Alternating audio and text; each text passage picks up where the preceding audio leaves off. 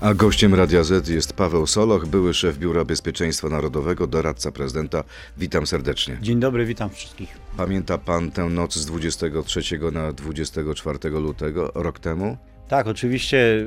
mm, Pan prezydent był wtedy y, z, z wizytą w Kijowie, y, ponieważ spodziewaliśmy się, że właśnie no, na dniach dojdzie do, do, do ataku, więc y, jego, y, jego decyzja była taka, że, żebym ja był tutaj na miejscu w Warszawie, E, on był, on był w Kijowie, no i wtedy całą noc mieliśmy już dyżur e, i to, to, to BBN budziło prezydenta, bo prezydent dosłownie dwie godziny, półtorej godziny przed, przed, przed atakiem znalazł się u siebie w domu, w mieszkaniu, to poszedł spać, tak? No i, i, i, e, i wtedy ja otrzymałem em, telefon naszej służby dyżurnej, prawda, że już się zaczęło. No i wtedy żeśmy uruchomili procedury, które no tutaj akurat pan prezydent tej nocy nie wypoczywał. Jaka była pana pierwsza myśl, że to może dotrzeć do nas, że lada moment wojska rosyjskie mogą być na granicy z Polską? No nie, raczej, ra, raczej ta, ta pierwsza myśl była taka, czy, czy, czy Ukraina, państwo ukraińskie wy- wytrzyma, bo jednym z wariantów e, e, rozpatrywanych, bo to trzeba też pamiętać, że e, myśmy się przygotowywali, Polska, ale też no, w ścisłej współpracy z Amerykanami od paru miesięcy na taką e, taką, e, taką Pierwsze informacje o ataku, o ile dobrze pamiętam, to był listopad poprzedniego roku.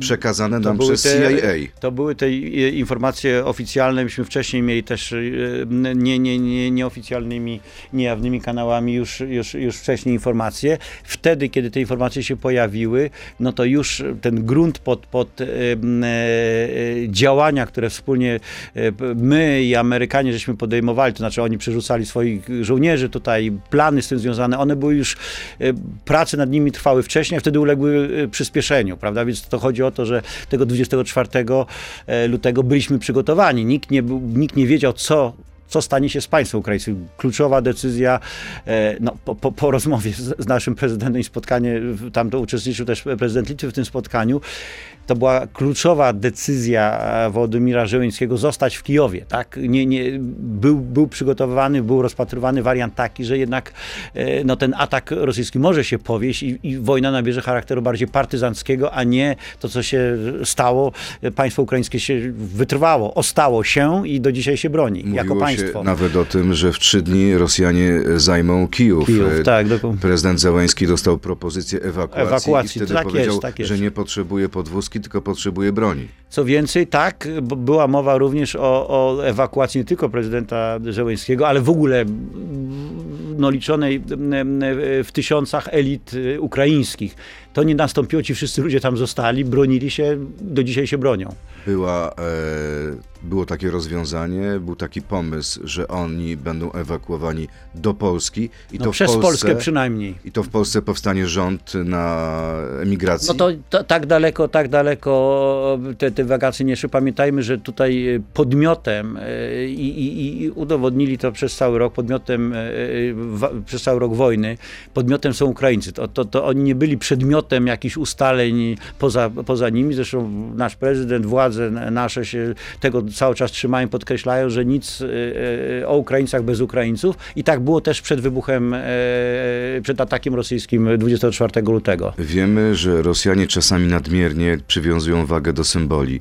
Sądzi pan, że w pierwszą rocznicę najazdu pełnoskalowego dojdzie do zmasowanego ataku na Kijów bądź inne części Ukrainy? No zobaczymy, dzień się, dzień się zaczął. Pamiętajmy, że Rosjanie mają też e, ograniczone zasoby.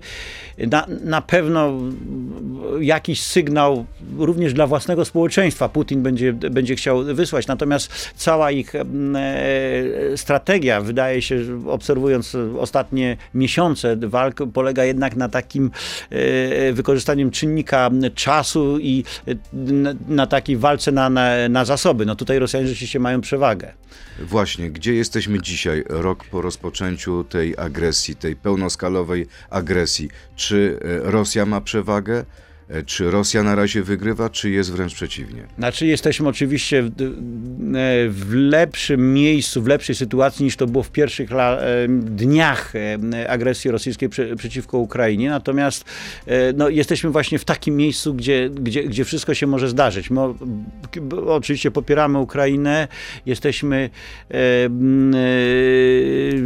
no, pełni optymizmu i entuzjazmu dla działań ukraińskich, ale pamiętajmy, że jest pewien czynnik e, czasowy, czasowy dla trwałości koalicji państw zachodnich wspierających Ukrainę, bo to też e, i dla wytrzymałości samej Ukrainy, która no, jest niszczona cały czas codziennie, tak, więc, więc e, straty... Czas gra na, Na korzyść Rosji? Tak, tak, w interesie, w interesie Ukrainy przede wszystkim, ale również koalicji zachodniej jest doprowadzenie do jak najszybszego zwycięstwa ukraińskiego, stąd kluczowe jest jednak dostawa broni. Wszelka pomoc dla Ukrainy jest bardzo ważna, natomiast najważniejsza jest dostawa broni nie metodą kapilarną, kro, kropelkową, tylko taką, która doprowadziłaby do istotnej e, zmiany e, sytuacji na, na, na froncie. Widać w ostatnich dniach przełom po tej wizycie Bidena w Kijowie, po wizycie Bidena w Warszawie. Warszawie.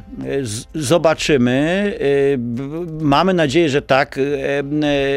Po pierwszej wizycie rok temu e, prezydenta Bidena e, w Polsce przełom pewien nastąpił. Ja przypomnę pierwsze tygodnie, m, tygodnie wojny, kiedy nie było mowy o do, dostarczaniu ciężkiego sprzętu Ukraińcom. Problemem było dostarczanie kamizelek kuloodpornych i, i hełmów. To się zmieniło właśnie po wizycie prezydenta Bidena tutaj w Warszawie. Po, po tym, co on tutaj zobaczył, po jego rozmowach z prezydentem Dudą. Wtedy została odblokowana kwestia dostarczania artylerii rakietowej, e, e, w następstwie kwestia czołgów, teraz pojawia się kwestia, kwestia samolotów. Chodzi o to, żeby tego procesu nie wydłużać. Ewidentnie e, Rosjanie grają w tej chwili na czas. Wydaje się, że obserwując walki wokół Bachmutu, nieskuteczność do blitzkriegu armii rosyjskiej, oni po prostu czekają na to, że Zachód się zmęczy, Ukraina się zmęczy. Prezydent Duda w wywiadzie dla CNN powiedział, że jesteśmy w stanie przekazać MIGI 29 Ukraińcom. Kiedy to nastąpi? Czy już następuje, a nie wiemy o pewnych rzeczach? My, my dążymy, to jest model, model tej tak zwanej koalicji czołgowej, która no też powinna mieć większą dynamikę, bo w tej chwili jest mowa o dwóch batalionach, a powinna być mowa o kilku brygadach przynajmniej pancernych. Jest to zbyt to wszystko E, ślamazarne. z- Ślamazarnie, ale to jest ścieżka, którą rzeczywiście e, e, e, pan prezydent Duda pokazał em, em, w Lwowie. E, Budujmy koalicję. Polska dała kilkaset czołgów. E, Gdy mowa jest o samolotach, mówimy o kilku samolotach, tak, o kilkunastu samolotach, więc sens działań Polski, oczywiście każda sztuka broni jest na wagę złota dla Ukraińców, ale przede wszystkim chodzi o to, żeby zbudować koalicję. Ten pomysł e, koalicji czołgowej, prawda, do, gdzie, gdzie jakby wszystkie państwa się zrzucają, dając jakiś tam ułamek, procent swoich zasobów, no jest najbardziej sensowny również z naszego punktu widzenia, bo nasze zasoby, nawet gdybyśmy chcieli je oddać e, wszystkie, nie mają wymiaru strategicznego, takiego, które by zadecydowało o losach tej wojny. Panie ministrze, pora na krótką piłkę. Krótkie pytania, proszę o krótką odpowiedź. Opozycja w sprawie wojny zdała egzamin, tak czy nie? Generalnie tak. Choć oddaliśmy Ukrainie czołgi, jesteśmy bezpieczniejsi niż rok wcześniej, tak czy nie? E, Jesteśmy bezpieczniejsi niż e, byliśmy, e, nie wiem, na początku stycznia. Wojna skończy się jeszcze w tym roku, tak czy nie? Nie. Jacek Siewiera jest lepszym szefem ode mnie. Tak czy E, nie? nie na, to, na to pytanie niestety nie mogę tak od, e, odpowiedzieć, bo to e, nie będę się wypowiadał. Na, znaczy, mam bardzo dobre relacje, e, dobrze współpracujemy, tyle mogę powiedzieć. Czas pokaże, można powiedzieć. A, spoko, dobrze, pan mi podpowiedział to. Paweł Soloch, były szef Biura Bezpieczeństwa Narodowego, jest gościem Radia Z. Przechodzimy teraz do części internetowej na Radio Z.pl, Facebooka i YouTube'a. To jest gość Radia Z. Dzisiaj spotkanie prezydenta e, Dudy w ramach Rady Bezpieczeństwa Narodowego zaprasza opozycję, ujawni im tajne kulisy rozmów z prezydentem Bidenem. No, e, patrząc na historię RBN-ów, rzeczywiście jest tak, że, że pan prezydent e, przekazuje również e, sam tryb spotkania jest niejawny, więc e, przekazuje też e, informacje niejawne. E, Zbiera też głosy z e, wypowiedzi po- polityków właśnie opozycji. No pamiętajmy, że to jest dość, e, e, ta e, formuła Rady Bezpieczeństwa jest taka, że no, są też i politycy, i sprawujący władzę mi- ministrowie koalicji rządzącej, więc pan prezydent też w pewnym sensie animuje podczas takiej rady też e, dialog, czy wymianę informacji, czy wymianę uwag również między stroną rządową, a, a stroną opozycyjną, więc to, to jest to, co on sam mówi i, i, i, i wygłasza swoje e, interpretacje sytuacji, e, oczekiwania w stosunku do, do opozycji, również w stosunku do, do, do rządu, co do dalszych działań. No, co to tak wy- wygląda Niektórzy byli rozczarowani wizytą prezydenta Bidena, jego przemówieniem, że zabrakło konkretów. Zabrakło też konkretów, jeśli chodzi o zwiększenie liczby wojsk amerykańskich, o kwestię tego, żeby pojawiła się w Polsce baza amerykańskiego sprzętu. Pan również jest rozczarowany? Nie, to, bo, to mówię, porównajmy to z, z wizytą poprzednią. E, e, e, ubiegłoroczną, a to sprzed kilkunastu miesięcy, tam również nie było konkretów, ale patrzmy na skutki. Pamiętajmy, że wizyta mm, prezydenta Bidena to był sygnał, no o, oczywiście, e, pokazujący pozycję amerykańską wobec tego, co się dzieje i sam słowa wygłoszone przez Bidena, słowa zawsze są cieniem czynów. Czynem było to, że był w Kijowie i w Warszawie. To, to był ten czyn, to był ten sygnał y, pokazu, pokazujący teraz ze strony amerykańskiej, gdzie są te linie graniczne, gdzie, jest, gdzie są te red lines em, dla, e, dla Rosjan. To nawet sam fakt, że pojechał, prawda, do, do, do, do tego A jak to Kijowa. było z tą wizytą pana zdaniem? Proszę nam zdradzić No nie, no, znaczy, szczegóły. szczegóły- Czy Rosjanie mają rację, mówiąc w telewizji swojej propagandowej, że tylko dlatego tam pojawił się Biden w Kijowie, że dostał gwarancję bezpieczeństwa od Moskwy? Tylko dlatego Biden pojawił się w Kijowie, że wiedział, że e, Stany Zjednoczone są w stanie zapewnić mu bezpieczeństwo. W jaki sposób? No, w jaki Na sposób? terenie obcego kraju, bez, E, bez, wojsk amerykańskich. e, bez wojsk amerykańskich, bez gwarancji ze strony tego kraju, że e, przestrzeń powietrzna jest e, całkowicie szczelna i, i, i chroniona. Oczywiście, więc e, Amerykanie mają swoje kanały e, wymiany informacji, przekazywania e, różnych... Jaki był tutaj mechanizm? Tego, te, Jak to zadziałało? To, to wiedzą Amerykanie. E, Gdybyśmy mieli taką, taką wiedzę, to ta wiedza jest tak czy inaczej jest, jest niejawna, ale no, na, na pewno e, Rosjanie e, mieli taką informację przekazaną przez e, Amerykanów, żeby nie zdecydować się na czynienie jakiejkolwiek demonstracji. Tam był chyba jeden moment, o którym media pisały, o poderwanie myśliwca e, rosyjskiego na terenie Białorusi z kinżałami. Stąd te syreny wyły, kiedy prezydent Biden spacerował ulicami e, Kijowa z prezydentem Zełeńskim. No ale do ataku nie doszło. Więc ja myślę, że message, jaki przesłali Amerykanie e, Był e, dostatecznie silny, że Rosjanie nie odważyli się nawet e, próbować jakiejkolwiek prowokacji. A jaki message przekazał prezydent Biden prezydentowi Dudzie, jeśli chodzi o tę bazę amerykańskiego No sprzętu? to były rozmowy w cztery oczy e, z panem prezydentem, dwóch prezydentów, dwukrotne, prawda, i w, w pierwszego i drugiego, drugiego dnia e, mm, nasz prezydent e, uchylił rąbka tajemnicy w swoim wywiadzie, kiedy mówił, że e, stanęła kwestia e, to jest też taka pewna propozycja całkiem konkretna z naszej strony, zresztą e, sygnalizowana e, już i, wcześniej, no ale teraz na najwyższym szczeblu.